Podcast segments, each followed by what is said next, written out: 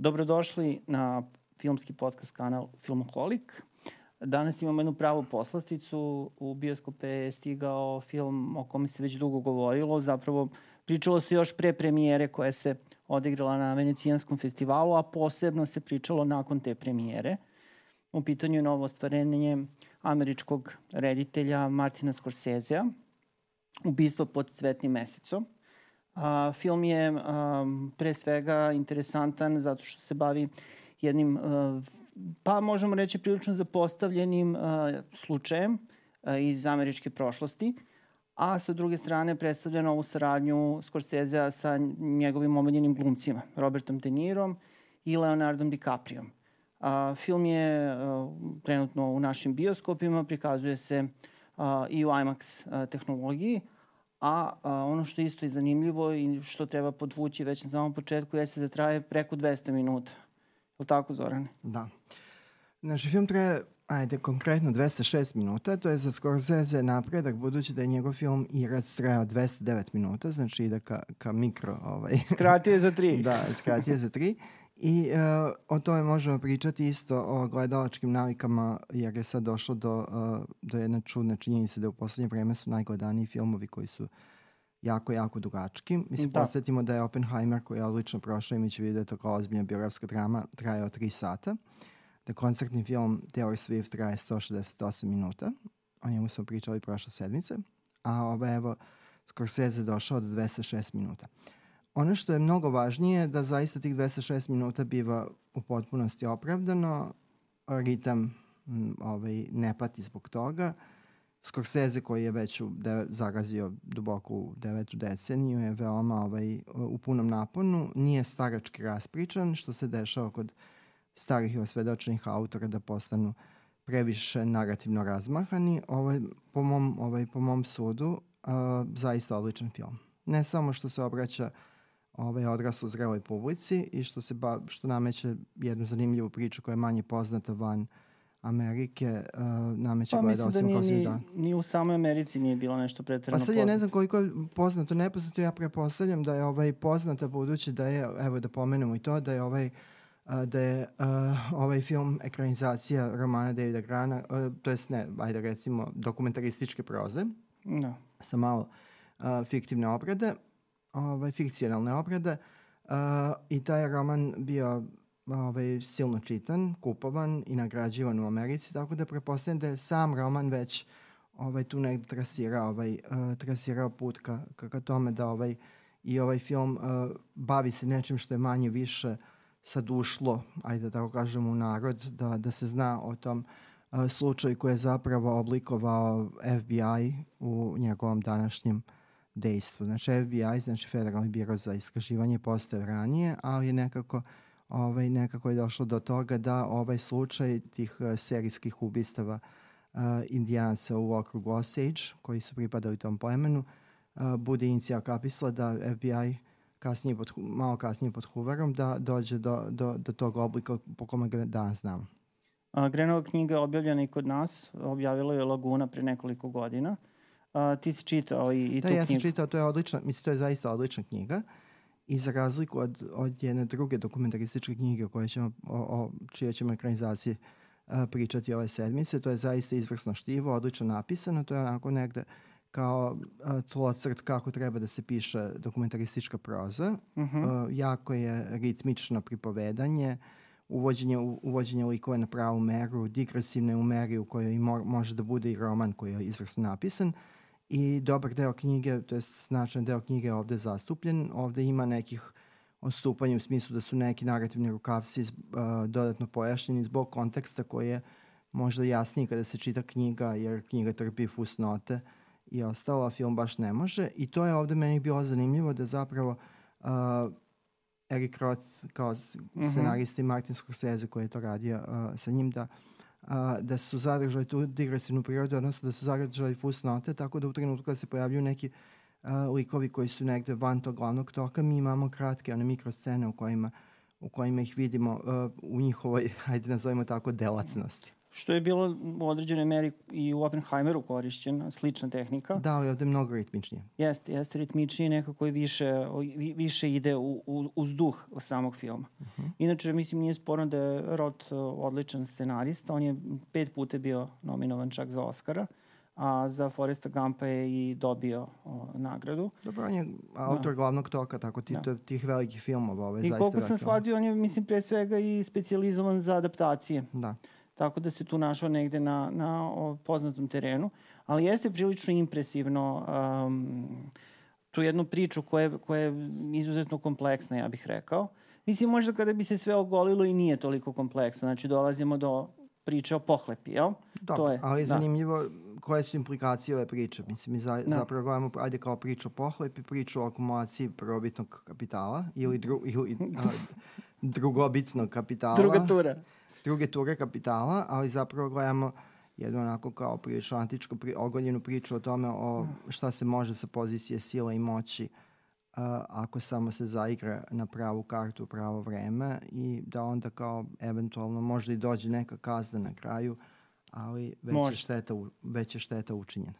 Da, onako, mislim, imajući vidu trajanje filma, taj zamah, um, moglo se lako desiti da film ispadne iz ritma, što se možda na jedan mah i dešava, ili je prosto to stvar u nekoj koncentraciji. Ne mislim da je to drugo. Da a, gledalce, ali stvarno treba, mislim, treba otići pripremljen u bioskop. Da, i ogromne, mislim, pošto je ovo kao jedan vid društvene hronike između ostalog, mm. uh, ogroman je broj likova, tako da je potrebno investirati dodatnu pažnju da bi se ispratio sve, uh, ne samo što pratimo te indijance koji su nam možda uh, da oni su unutar dve, tri porodice, pa su slično prezimena, slično su izgleda, sestre su u pitanju, nego mislim da čitava ta, to gusto tkanje uh, te galerije likova iziskuje pažnju posebno kada se prati film, ali to je nekako naprosto valjda i jasno većini ljudi kada odu da gledaju film Martina Scorsese mm, da.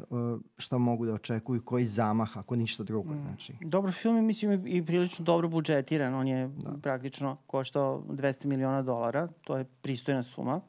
Opet, s druge strane, taj novac se vidi na ekranu, on je onako da. zaista zaista urađen vrhunski. Radnje smešten u Oklahoma. Imamo znači, tu priču o Oklahoma recimo nakon Prvog svetskog rata. To su neke rane 1920. godine otprilike. Da, ovo je post-western. Znači. Da.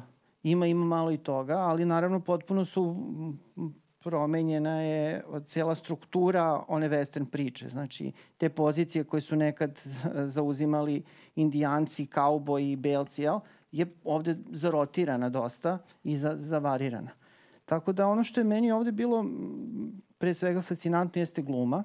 Mislim, ne samo gluma, gluma je tu jako bitan deo, a, čitava produkcija, režija, muzika, znači sve urađeno onako vrhunski, ali naravno bez dobrih glumaca činjenice da ovo ne bi bio ovakav film kakav jeste. Tako da a, Scorsese je doveo svoje momke ponovo a, ovaj, svoje dobre momke je doveo sa sobom a, i a, u filmu se pojavljuju Robert De Niro, sa kojim je negde Scorsese započeo zapravo karijeru i ostao mu veran sve ove godine, uz neka manja lutanja. I a, naravno Leonardo DiCaprio koji je možda sa trenutno jedan od najcenjenijih hollywoodskih glumaca.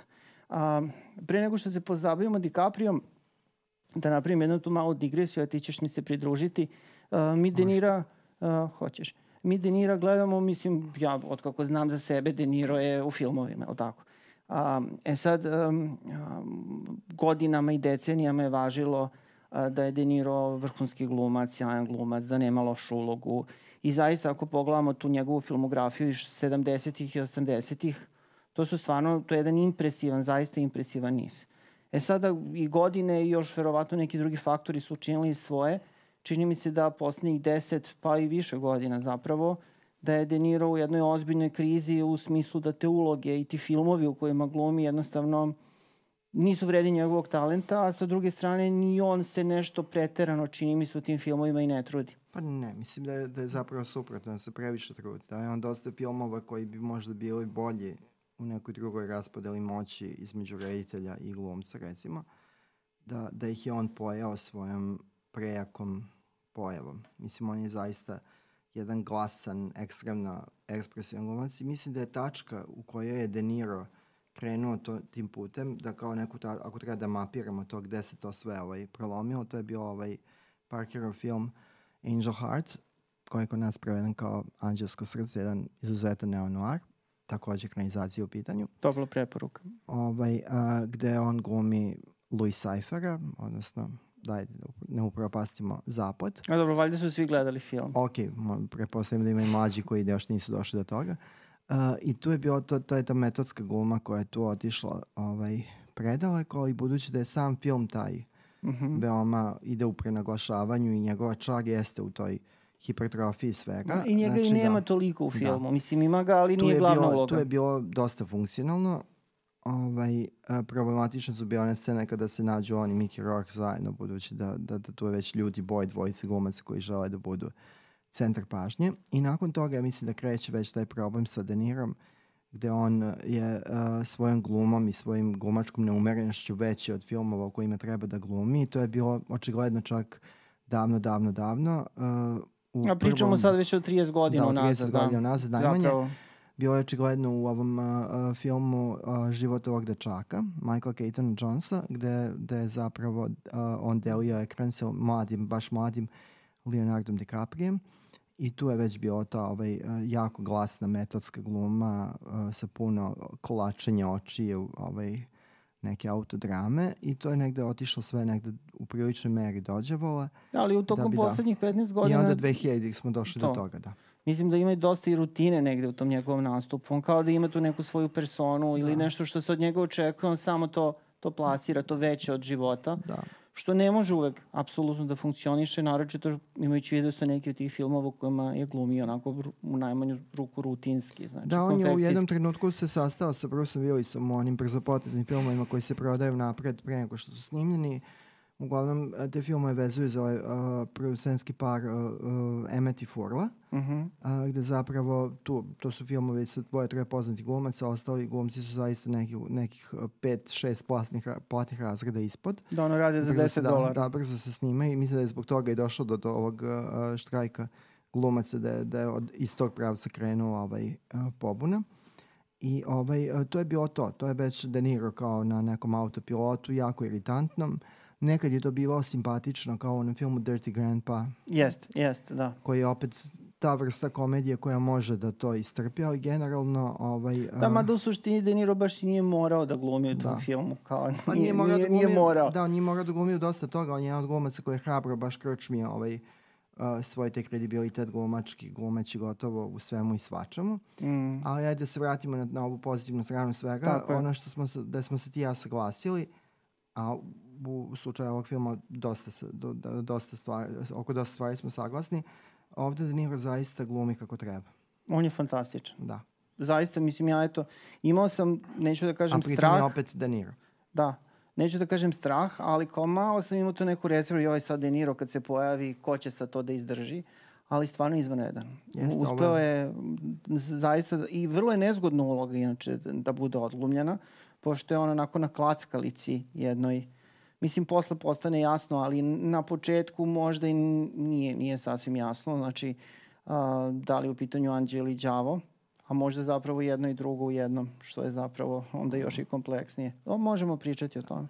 Ali odlična, odlična uloga uh, i mislim da nominacija za Oscar ovde apsolutno je nešto što se mora dogoditi, a možda čak i statuetica. Da, posebno je zanimljivo da, da De Niro kao pokazuje tu kao jednu i glumačku srazređenost i jako visoku formu posle Irca, gde, mm. gde, gde sve ovo o čemu smo pričali došlo do izrašaja. Znači, da, ja Irca, da. Mislim da se tu, tu, tu smo isto saglasni, nama se Irac nije dopao.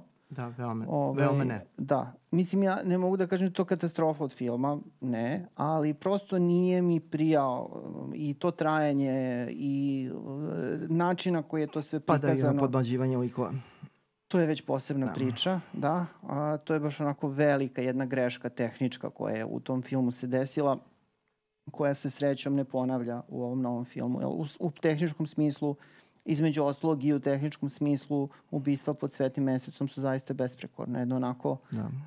jedan film koji se ra razbokori pred očima već na samom početku i vrlo stilizovan.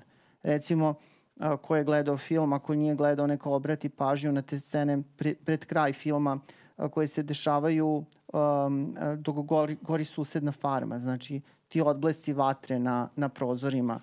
Da. Vrlo, vrlo zanimljivo da. urađeno i stilizovan. Da, visoko, ovo je baš visoko orkestriran u smislu koreografisan film. Ovde nema gotovo polupraznog kadra. Ako izuzmemo neke dijaloške razmene, ovo je sve jako, jako ovaj, promišljenje u smislu dubine kadra, šta se događa i dobija se iluzija punoće života. Znači, Tako, naša da. prijateljica da. Nataša Janković bi imala ovde posla da su je, da su je pozvali, mogla bi da režira ovaj, a, pozadinske ove, znači, događaje unutar scene, znači, drugi kadar. Dobro, ali nismo pričali o tome.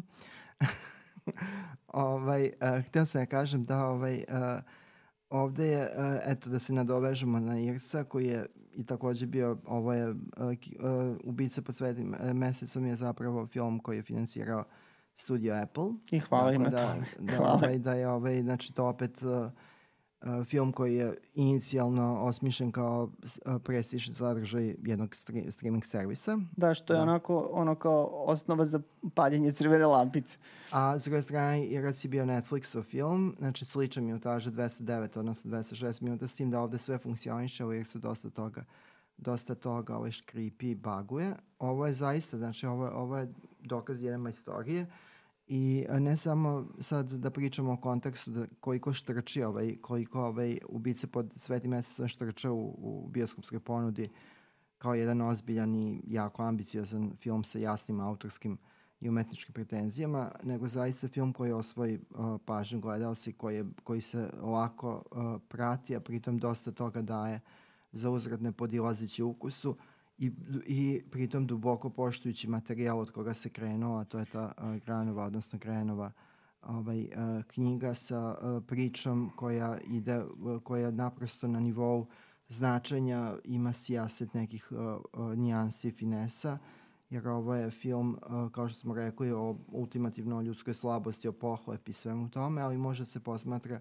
i kao thriller u smislu kriminalistički film. Mlade Scorsese uh, objašnjavao još pre uh, nego što je film došao i dok je sniman i pre snimanja da to ne može zbog uh, zbog sijasa drugih stvari ne može biti klasičan hudanit, odnosno potraga za ubicom, jer ubica, odnosno strana sa koje dolazi opasnost po viđenju indijanse u okrugu Osage, uh, ovaj, uh, do, je prilično poznata. Da, Biva, uz, da, u, u da, najkraćem, u dve da. rečenice, da. uh, krajem uh, druge decenije a, um, koji je to vek, onda bio 20. 20. 20. veka, a, otkrivena je nafta na imanjima koje su posjedovali indijanci. Inače, to je bila neka zemlja koja je bila neplodna i nije bila da, nešto. Da, izrazito kao da, neplodna. Da. Ne, neizdašna zemlja. Da, i zato je verovatno i ostala u njihovom da. vlasništvu, da. a onda se ispostavilo da zapravo tu postoji nafta ispod. I oni su se obogatili preko noći. To su neke ogromne, ogromne pare bile. S tim što je donet taj zakon da zapravo indijanci ne mogu da raspolažu svojim novcem, nego da moraju zapravo da imaju te neke bele staratelje koji će praktično... Da, odred, taj, znači, tako je. konkretno određene imenom i prezinom be, bele staratelje. Da. da. koji će zapravo određivati koliko novca mogu da dobiju i zašta i tako dalje. E, I to je zapravo zamajac, e, ali onda se ispostavlja da je tu bilo i drugo, čitav niz nekih drugih zloupotreba a, uz pokušaj da se taj, a, taj novac, ogromni novac zapravo otme Dobro, da se, milom da se, Da, I da se tapije prevedu u ruke onih koji smatraju da, da, da, da njima pre priliče nego indijancima. E sad, to je na samom početku veoma zanimljivo, ima taj, taj još jedna kao dodatna implikacija, to je da vidimo uh, indijance u onoj brzoj montažnoj sekvenciji koja je rađena kao filmski žurnal, uh, indijance uh, u krugu Osage vidimo uh, potpuno westernizovane. Znači oni su kao bili uh, uh, grupacija sa, naj, sa, naj, sa najvećim prihodom po glavi stanovnika. Jeste. Uh, najbogatiji ljudi na svetu. ljudi na svetu. Uh, uh, jako veliki broj automobila koji su u tom trenutku bili ovaj, uh, najprestižniji su došli u njihove ruke.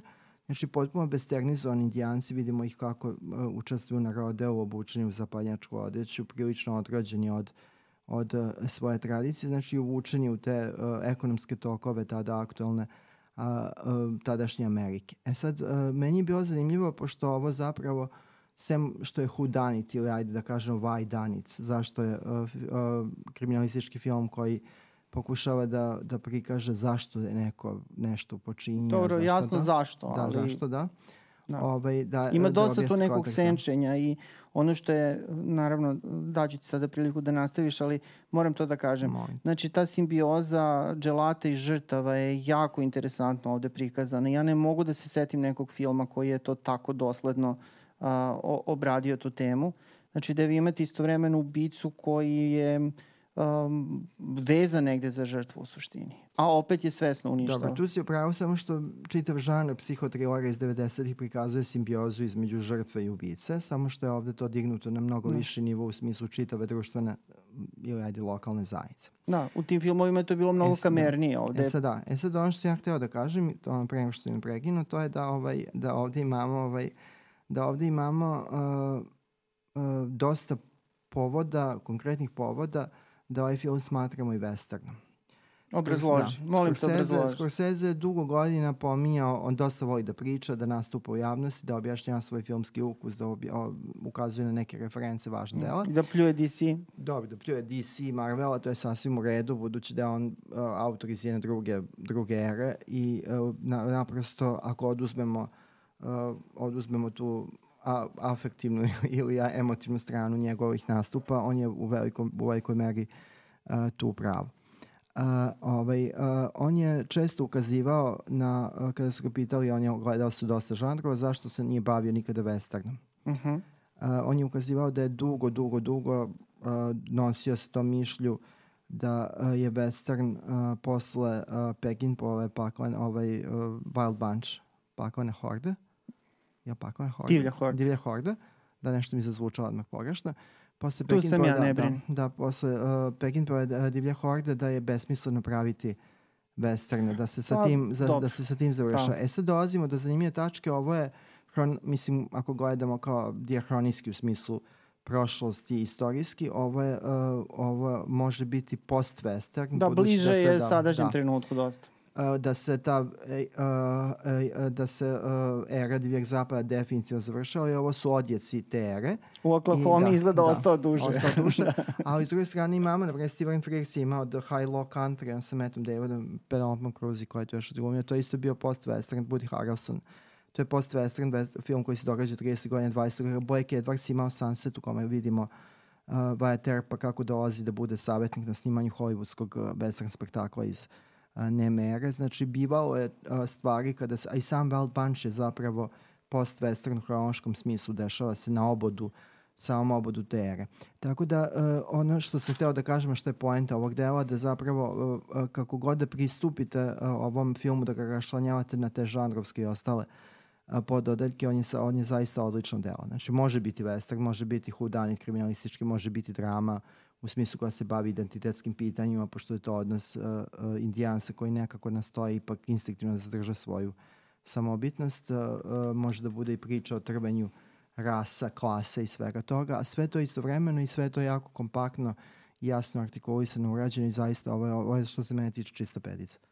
Dobro, saglasan sam sa tobom. Ovo je možda i najbolji film. Najbolji film koji sam pogledao ove godine na velikom platnu.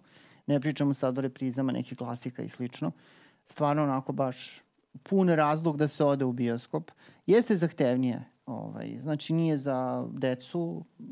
Pretpostavljam da niko ne bi ni vodio na, decu na ovaj film, a da nije isključeno.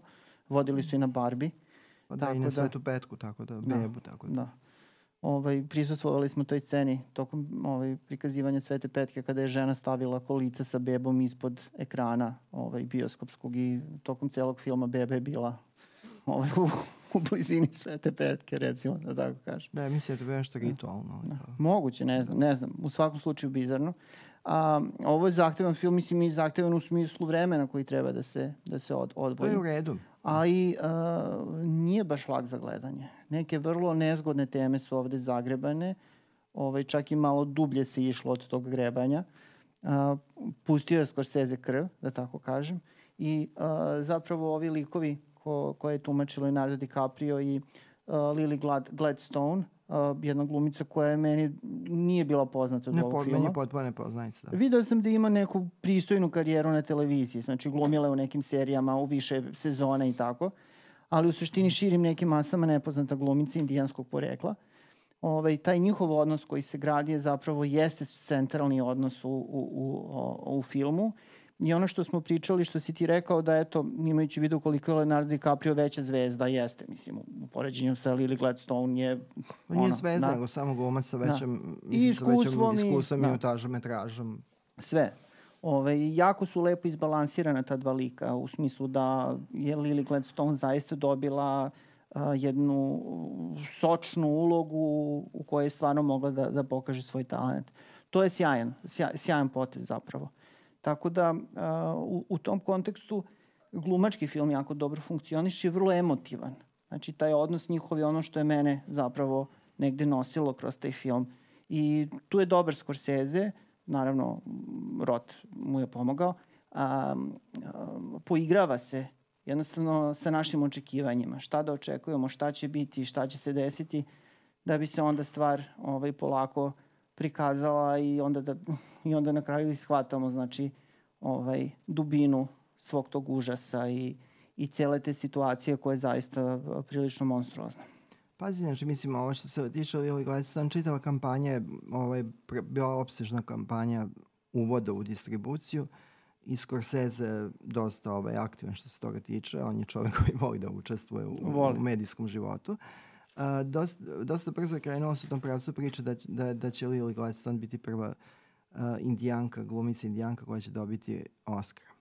A, sad, to kada se priča u načelu bez pogledanog filma, imajući vidu da kao, ajde, za početak to je možda moguće kao što i nije, ovaj, a, deluje iritantno jer nekako smo shvatili da Američka akademija filmskih umetnosti i nauke dodeljujete utešne Oscare u smislu da Oscare određenim manjinama i posle su te manjine uh, vraća na marginu tamo gde, gde podmiri ih i ide da. dalje. Da. I to je nešto što se uh, što je zaživelo tamo i u univerzitetskom životu i tako. To se zove mercy kvota, znači kvota, odnosno kvota odeljena za manjine, za neke atipične društvene grupe, ali i samilosti udeljene, nakon čega one bivaju ostavljene na istoj tački sa koje se krenuo. E sad kada se uzme ovde, ovo, pošto si pomenuo, uh, ovo zaista je vrhunska, mislim, vrhunska uloga, uh, po pitanju minutaže, ona zaista zaslužuje ne da bude epizodna to ni to bi bilo strašno da bi bilo da strašno da se desi. Jer ovde, na primjer, imamo Brendan Fraser koji se pojavljuje, ne znam, u 7-8 minuta, 10 minuta, najviše ako i toliko, filma, ako, ako i toliko, toliko, i to kao svež Oscarovac. I Johna Lithgow. Da, Johna Lithgow, ali mislim sam kao svež Oscarovac ima jako to, to, malu to. minutažu. Ovaj, Lily Gladstone je zaista prisutna čitanjem tokom filma, odlično se nosi sa svim glumačkim partnerima u, ovaj, u kad se nađe u kadru, bez obzira na tu neravnotežu, iskustvu i, i, i, i samom prisustvu u smislu da je imala prilike da radi. Možda na svih godina bila izuzetna glumica, ovde je izuzetno vođena, taj lik je postojan, ima konzistentnost koja traje, tako da ta tra, tragika koja, do koje se dođe na kraju zaista biva, ovaj, biva utemelje. E sad što se tiče ovoga što, što smo pominjali kao minutažu, uh, Scorsese se zahvaljivao ovim mlađim kolegama koji su probili tu ovaj... Voli on to. Da, uh, Arstarijevi ostali, jer rekao da bez, bez Midsomera i bez uh, Boss se plaši, zapravo i ne bi bilo mogućnosti da on se odvaži pred svojim financijerima, producentima da insistira na filmu koji će trajati čak 206 minuta, a koji da... ide u bioskope za razliku od uh, Irca. Mm -hmm. Dobro, htio sam da pomenem Irca, ali... Da. Pa dobro, više i Irac u bioskope. Irac ali... je išao u bioskope da bi obezbedio onu nužnu kvalifikaciju za Oscar, ali uh, to nije per se bioskopski film, a ovde je došlo naprosto do, te, do, do, do te odluke da ovo mimo fina, financija ili mimo, mimo producenske te paske Apple studija, da ovo bude film koji je na prvom mestu film za širu bioskopsku distribuciju, što se dokazalo, on ide pre, u preko 3000 bioskopa inicijalno i uh, čak postoji mogućnost da će u Americi uh, za malo preteći Taylor Swift do duše u njenom drugom, trećem vikendu prikazivanje, nešto da ćemo imati jednu ozbiljnu, prilično mučnu dramu uh, uh, ovaj, uh, na prvom mestu gledanosti. To je možda najstariji autor sa, sa ovako gledanim filmom u, u tom uh, mikrokosmosu američke i kanadske uh, bioskopske distribucije. Neosporno, ovo je film događaj, film o kome će se pričati i o kome se naravno i već priča. Uh, tako da, ako razmišljate šta da gledate, a ozbiljan ste posetilac bioskopa, želite neku ono, jel, jeftinu zabavu, ovo je, ovo je apsolutno da. pravi izbor. IndieWire je objavio nedavno, naravno svi sad pišu o Scorsese, u Scorsese je ponovo vrlo in i tako. Ovo je objavio listu um, gde je rangirao svih 27 dugometražnih igranih filmova Scorsese-ovih. Mi, mi živimo u vreme tih lista, to je dosta živimo. iscrpljujuće, da. Živimo, ali ovaj, kada se lista pogleda, interesantno je da zapravo um, obično kada pričamo o ovim rediteljima koji su počeli 60-ih, 70-ih, pa su nekim čudom uh, snimaju do sada, ovi novi filmovi su uglavnom na dnu što se tiče kvaliteta, prosto ti, ti novi naslovi znatno za, zaostaju za onim sa kojima se počelo Dobro. ili ajmo, sredine. Ajmo kojih je pet, a kojih je pet dole i kojih pet gore?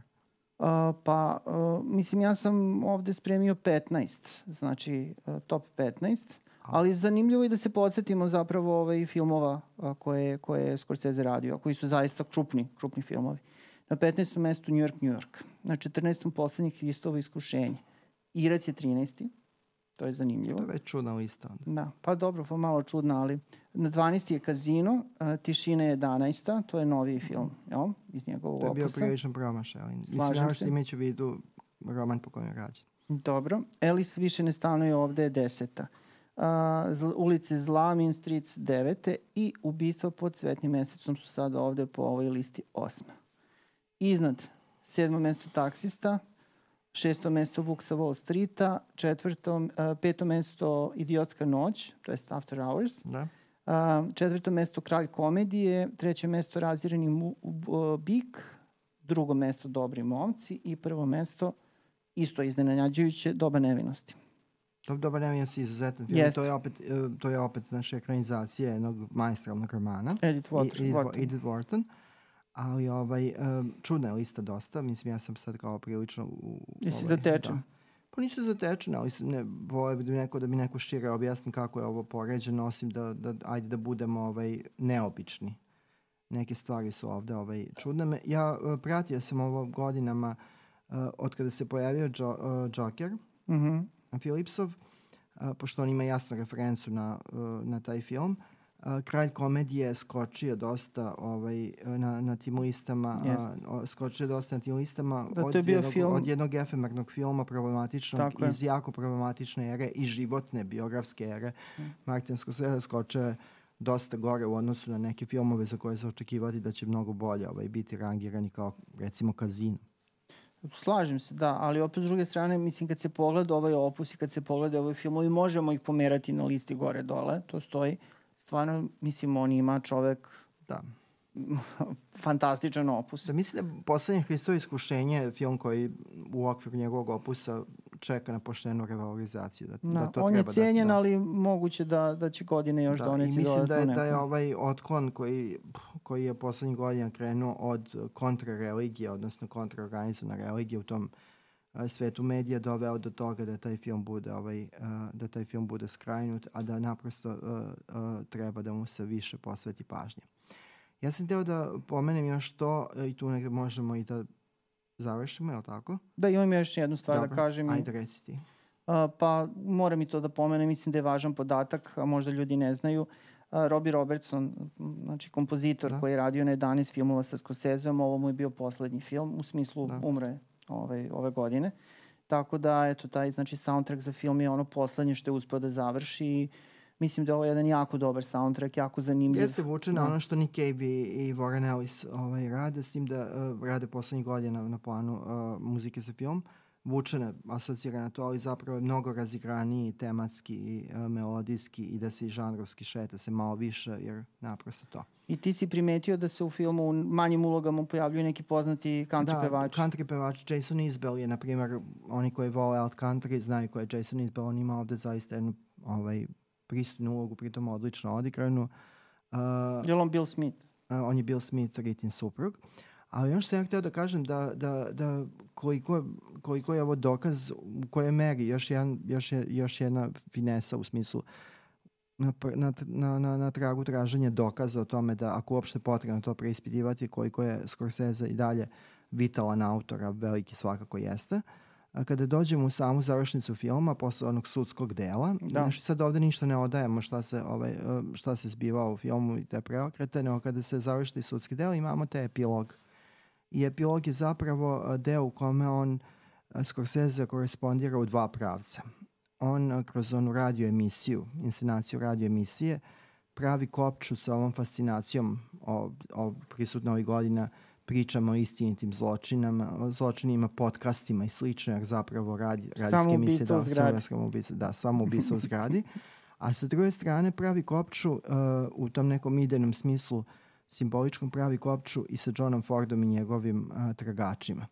Znači, film se zapravo završava na sličan način kao što se završavaju tragači, ako izuzmemo onu mikroscenu na samom kraju gde, se, uh, gde, uh, gde u tragačima imamo kako se zatvaraju uh, prikaz uh, onih vrata na štali ili na čemu već što se zatvaraju, čime se, čime se film vraća unazad ka pozorištu.